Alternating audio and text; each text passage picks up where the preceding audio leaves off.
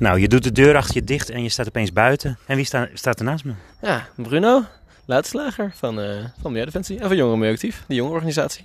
Vandaag natuurlijk een trainingsweekend, alweer twee dagen en het is al bijna af hè? Ja, klopt. Ja, wel intens hoor. Dus uh, vrijdag, zaterdag en zondag zijn we bezig geweest. En uh, het is nu de namiddag van de zondag. Hoe voel je nu? maar ik ben moe, maar ook wel voldaan. Het is goed. Ik denk dat we iets van 80 uh, mensen getraind hebben. Die zijn klaar om, uh, om de verkiezingen van uh, over een jaar te gaan, te gaan beïnvloeden. En klimaat de winnaar te laten, te laten zijn. Ik kijk om me heen en ik zie Peter uit het bos lopen. Hij zich aan het trekken en strekken. Het is een heerlijke omgeving hier hè? Ja, het is heel goed. Ja, het is altijd heel fijn om binnendruk bezig te zijn en buiten rust te kunnen vinden. In de bossen, een beetje te frisbee en te voetballen. Waar zijn ze nu mee bezig? Uh, nou, dit is het leukste onderdeel van, uh, van zo'n trainingsweekend. Want dit is waar uh, teams hun eigen plannen eh, uitwerken. Um, dus eigenlijk hebben ze het hele weekend door hebben ze ingrediënten gekregen en zijn, zijn, zijn mensen geïnspireerd. en nu is het zaak om praktisch te kijken wat doe ik morgen, wat doe ik over een week om, om direct aan de slag te kunnen gaan.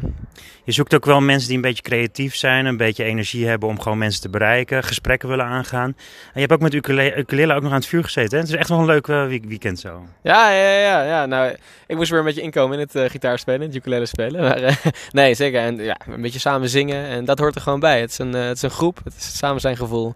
en dat is ook gewoon heel erg fijn. Hoe komt het dat jij met Milieudefensie bent begonnen?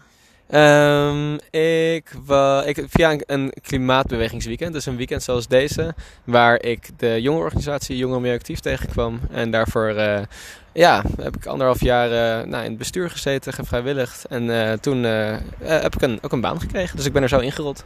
En wat heb je nog meer gedaan? Want gisteravond was het ook een beetje een showtje.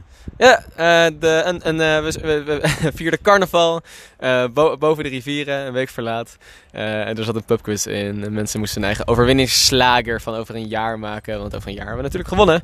Dus het was, was mooi, ja. Ja, we kijken vooruit en we zijn gewoon natuurlijk heel positief. Want ondanks het feit dat het soms lastig is om over het klimaat te praten. En ik denk dat het gewoon heel noodzakelijk is natuurlijk.